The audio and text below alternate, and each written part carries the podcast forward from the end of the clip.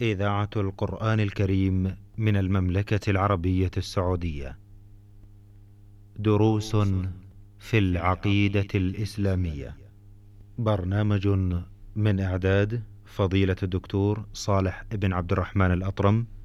تقديم يوسف العقيل. بسم الله الرحمن الرحيم الحمد لله والصلاة والسلام على خير خلق الله محمد بن عبد الله وعلى آله وصحبه أجمعين وبعد أيها الإخوة المستمعون الكرام السلام عليكم ورحمة الله تعالى وبركاته ومرحبا بكم في لقاء متجدد مع برنامج دروس في العقيدة والذي نستضيف فيه فضيلة الشيخ صالح بن عبد الرحمن الأطرم عضو هيئة كبار العلماء. في مطلع هذه الحلقة نرحب بفضيلة الشيخ صالح فمرحبا بكم فضيلة الشيخ. حياكم الله ووفق الله الجميع لما يحبه ويرضاه. إخوتي المستمعين الكرام موضوع هذه الحلقة باب من الشرك النذر لغير الله. أستميح الشيخ في بداية هذه الحلقة بقراءة نص هذا الباب الذي أورده فضيلة الشيخ محمد رحمة الله تعالى عليه. وقوله تعالى يوفون بالنذر ويخافون يوما كان شره مستطيرا. وقوله وما أنفقتم من نفقة أو نذرتم من نذر فإن الله يعلمه.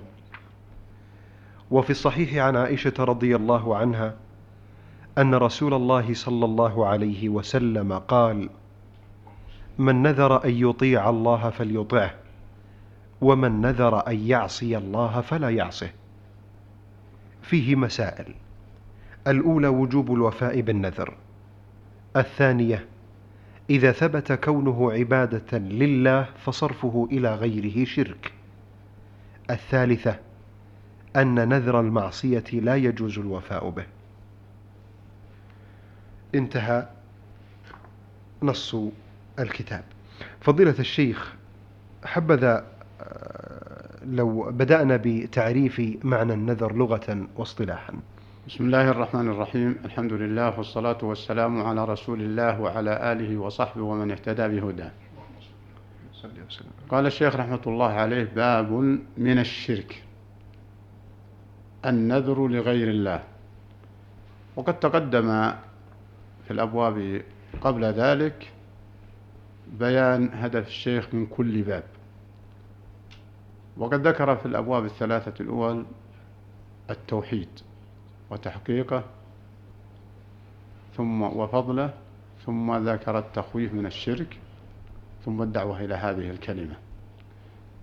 ثم شرع رحمة الله عليه وسائر علماء المسلمين ببيان أنواع ما ينافي التوحيد من الشرك ينافي كماله.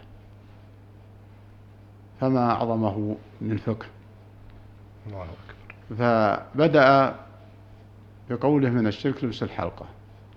ثم ما جاء في الرقى والتمائم وتعليقها.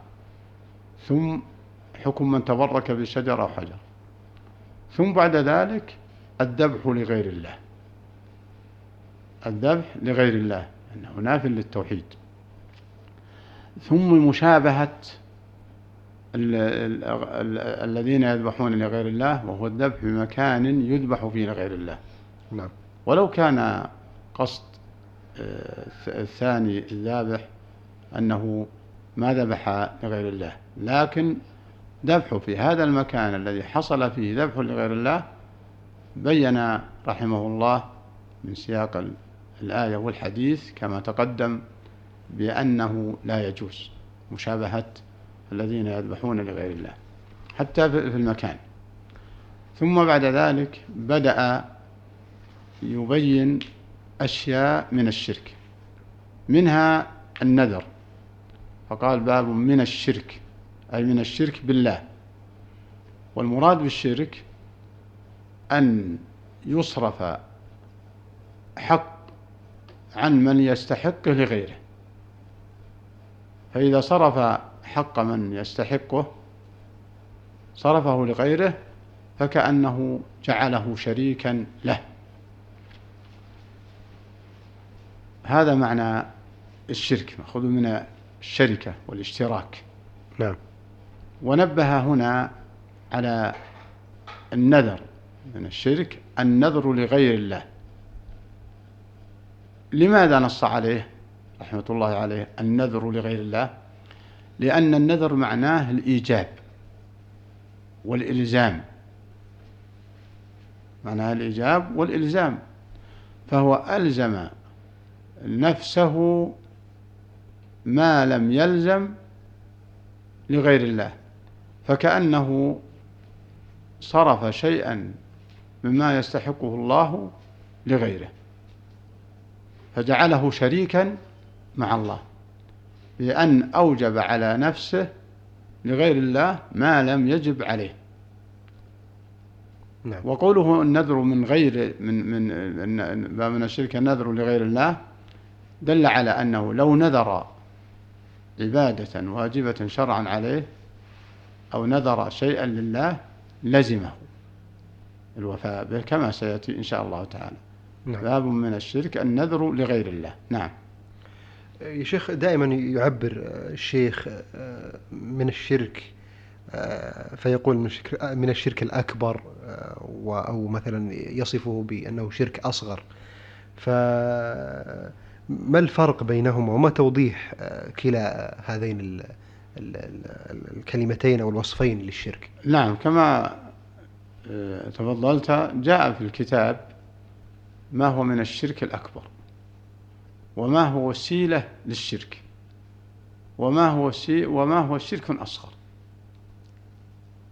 والشيخ تطرق لهذه الأمور لأن اجتنابها واجب على المسلم سواء من الشرك الأكبر أو من الشرك الأصغر أو مما هو وسيلة للشرك. أما هنا فالمراد بقوله من الشرك أي من الشرك الأكبر وهو النذر لغير الله. نعم في في العنوان نفسه باب نعم. من الشرك. باب من الشرك. نعم الذي يقصد نعم. يبقى معرفة ما المراد بهذا الشرك. المراد بالشرك الأكبر بحيث أنه أوجب على نفسه لغير الله وهذا لا يجوز إلا لله وهو سفك الدم. نعم. إيه، وهو النذر لغير الله. كأن ينذر بأن يذبح لغير الله أو ينذر صدقة لشجر أو حجر أو جماد أو ينذر ركوعا أو سجودا لغير الله من المخلوقين. فلهذا عمم رحمه الله بقوله من الشرك النذر لغير الله. فينذر طاعة لا تصلح إلا لله ثم ينذر يوجبها على نفسه لغير الله. فيكون أشرك مع الله غيره. نسأل الله نعم. شيخ دائما آه، نسمع أو آه، نرى في كثير من المسلمين آه، يرون فضيلة الدخول بالنذر. اعتقادا منهم أن النذر إما سنة أو شيء من هذا القبيل فيعتقدون أفضليته فتجدهم يدخلون محتسبين لله عز وجل بهذا النذر. فما رأيكم بهذا يعني كأنك تسأل عن حكم النذر. نعم إنشاء إنشاء وابتداء نعم. إنشاء وابتداء نعم. آه النذر غير مستحب ابتداء. نعم نعم. لأنه يوجب الإنسان على نفسه ما لم يكن واجبا. ما لم يكن واجبا. ولهذا قيل أو جاء في الأثر النهي عن النذر وأخبر أنه يستخرج به من البخيل. النذر لا يأتي بخير نعم. وإنما يستخرج به من البخيل. فحكم النذر ابتداء غير غير محثوث عليه. وغير مشروع. لكن إن كان تقرب لله فهذا عبادة. يجب الوفاء كما سيأتي إن شاء الله في الآن. وأما إذا كان تقربا للمخلوق وهو لا يصح التقرب إلا لله به هذا هو الشرك الذي قصده الشيخ. والشيخ رحمه الله لاحظ المجتمع الذي هو فيه والذي يوجد في كثير من المجتمعات أنهم ينذرون لغير الله من المخلوقات بل ينذرون للأموات وللقبور بل وللأشجار كما كان في المجتمع الذي بعث فيهم الرسول عليه الصلاة والسلام الذين ينظرون الأشجار والأحجار والأموات. فلهذا جاء بهذا العنوان من الشرك النذر لغير الله. فلا يصح للإنسان أن يوجب على نفسه آه، تقربا لغير الله. آه، آه، كذبيحة أو كصدقة. وقد شوهد عند بعض الجهلة إلقاء الصدقات عند القبور. وعند الأشجار والذبائح عند الأشجار. وقد شوهد أيضا أنه يسفك الدم تعظيما للمخلوق. لا لا قصده أكل اللحم أو قصده إكرام الشخص بإدناء اللحم فيشتمل على أطائبه. أما لو ذبح الذبيحة إكراما للقادم من أجل أن يوفر له أنواع اللحوم هذا أمر لا بأس به. وإنما سفك الدم أمامه تعظيما له هذا هو المنهي عنه. سواء كان المذبوح آه، سواء كان الذبح لآدم أو لغير آدم. ولهذا رحمة الله عليه آه، فقهه ظاهر في هذه الترجمة. باب من الشرك النذر لغير الله. فإذا نذر قال الله علي نذر بأن أذبح لطلعة فلان أو أذبح عند القبر الفلاني. آه، فهذا لا يجوز. هذا من من من الشرك. من الشرك الأكبر. من الشرك الأكبر. نعم. فذبح فذبح الحيوان أصله ممنوع. يعني إذا إلا إلا لغرضين فقط. الغرض الأول أن يقصد أكل لحمه من المأكولات. وإن كان من غير المأكولات فلا يذبح إلا لإيذائه. إن كان قد آذى. وإن لم يكن قد آذى فلا يذبح إلا لغرض أكله. وإن لم يكن مأكول اللحم ولا في أذى يترك حتى يموت. يؤلمه المرض أو يأكله الذئب وتأكله السباع فلا يجوز ذبح أو سفك الدم لغير لغير غرض شرعي. وقد يكون الحيوان مؤذي فيذبح من أجل دفع ضرره. فهذا أمر يجب التنبه له. ولكن الحذر كل الحذر أن يسفك الدم تعظيما لمخلوق فإن هذا هو الشرك الذي نبه عليه الشيخ رحمة الله عليه في هذا الباب. باب من الشرك النذر لغير الله. نعم, نعم. شرك مخرج من الملة. نعم. الذبح لغير الله نعم. تقربا. انتبه الكلمة تقربا. نعم. أي هذا يخرج من الملة. لكن يذبح وأكررها مخافة التوهم. التباس نعم.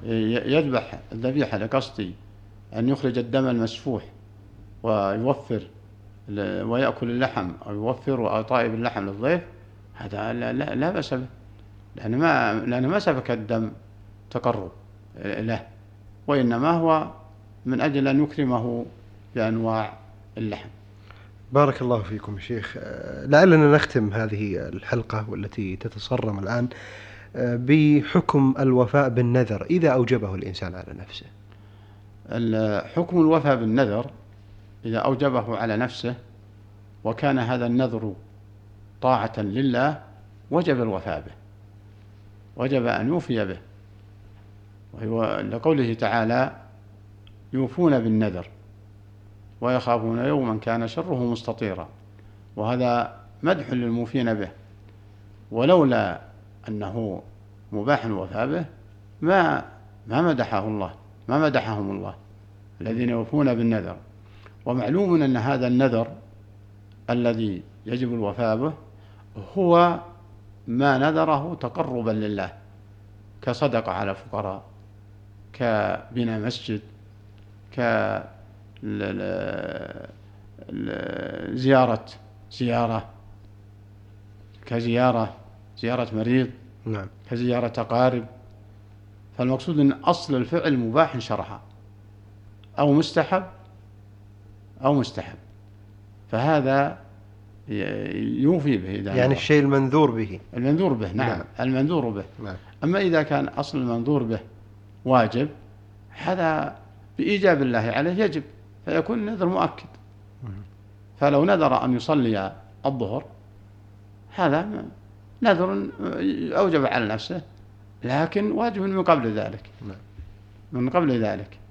فلا نقول أنه أدى الصلاة لأجل النذر. نعم لا معنى له. لا معنى له لكن لو نذر أن يتهجد في الليل أو نذر أن يصوم آه، الاثنين والخميس أو نذر أن يصوم أيام معينة تطوعا آه، هنا لزم الوفاء به كما سيأتي في الحديث إن شاء الله. نعم. وقوله تعالى يوفون بالنذر هذا مدح للموفين. فدل على أن الذي يوفي بنذره أنه مطيع لله حيث كان النذر تقربا إلى الله. آه، بدليل ويخافون يوما كان شره مستطيرا. نعم. وهذا فيه تنبيه للغافل بأن مراقبة اليوم الآخر يجب على المسلم يجب على الإنسان أن يراقب اليوم الآخر بأداء ما وجب عليه واجتناب ما حرم الله عليه. نعم. فضيلة الشيخ. يعني قال ويخافون يوما كان شره مستطيرا. نعم. فوجوب الوفاء بالنذر ليس لكونه مطالب فقط بل أيضا لمراقبة الموقف يوم الحساب يوم الحساب والعذاب. نعم. نعم. آه، لعلنا نتم هذه آه، المسألة في حلقة قادمة لأن وقت الحلقة آه، انتهى الآن. وفي ختامها لا يسعني إلا أن أشكر الشيخ فضيلة الشيخ صالح بن عبد الرحمن الأطرم عضو هيئة كبار العلماء على ما تفضل به من شرح وتعليق آه، في هذه الحلقة. إخوتي المستمعين الكرام أستودعكم الله. السلام عليكم ورحمة الله تعالى وبركاته.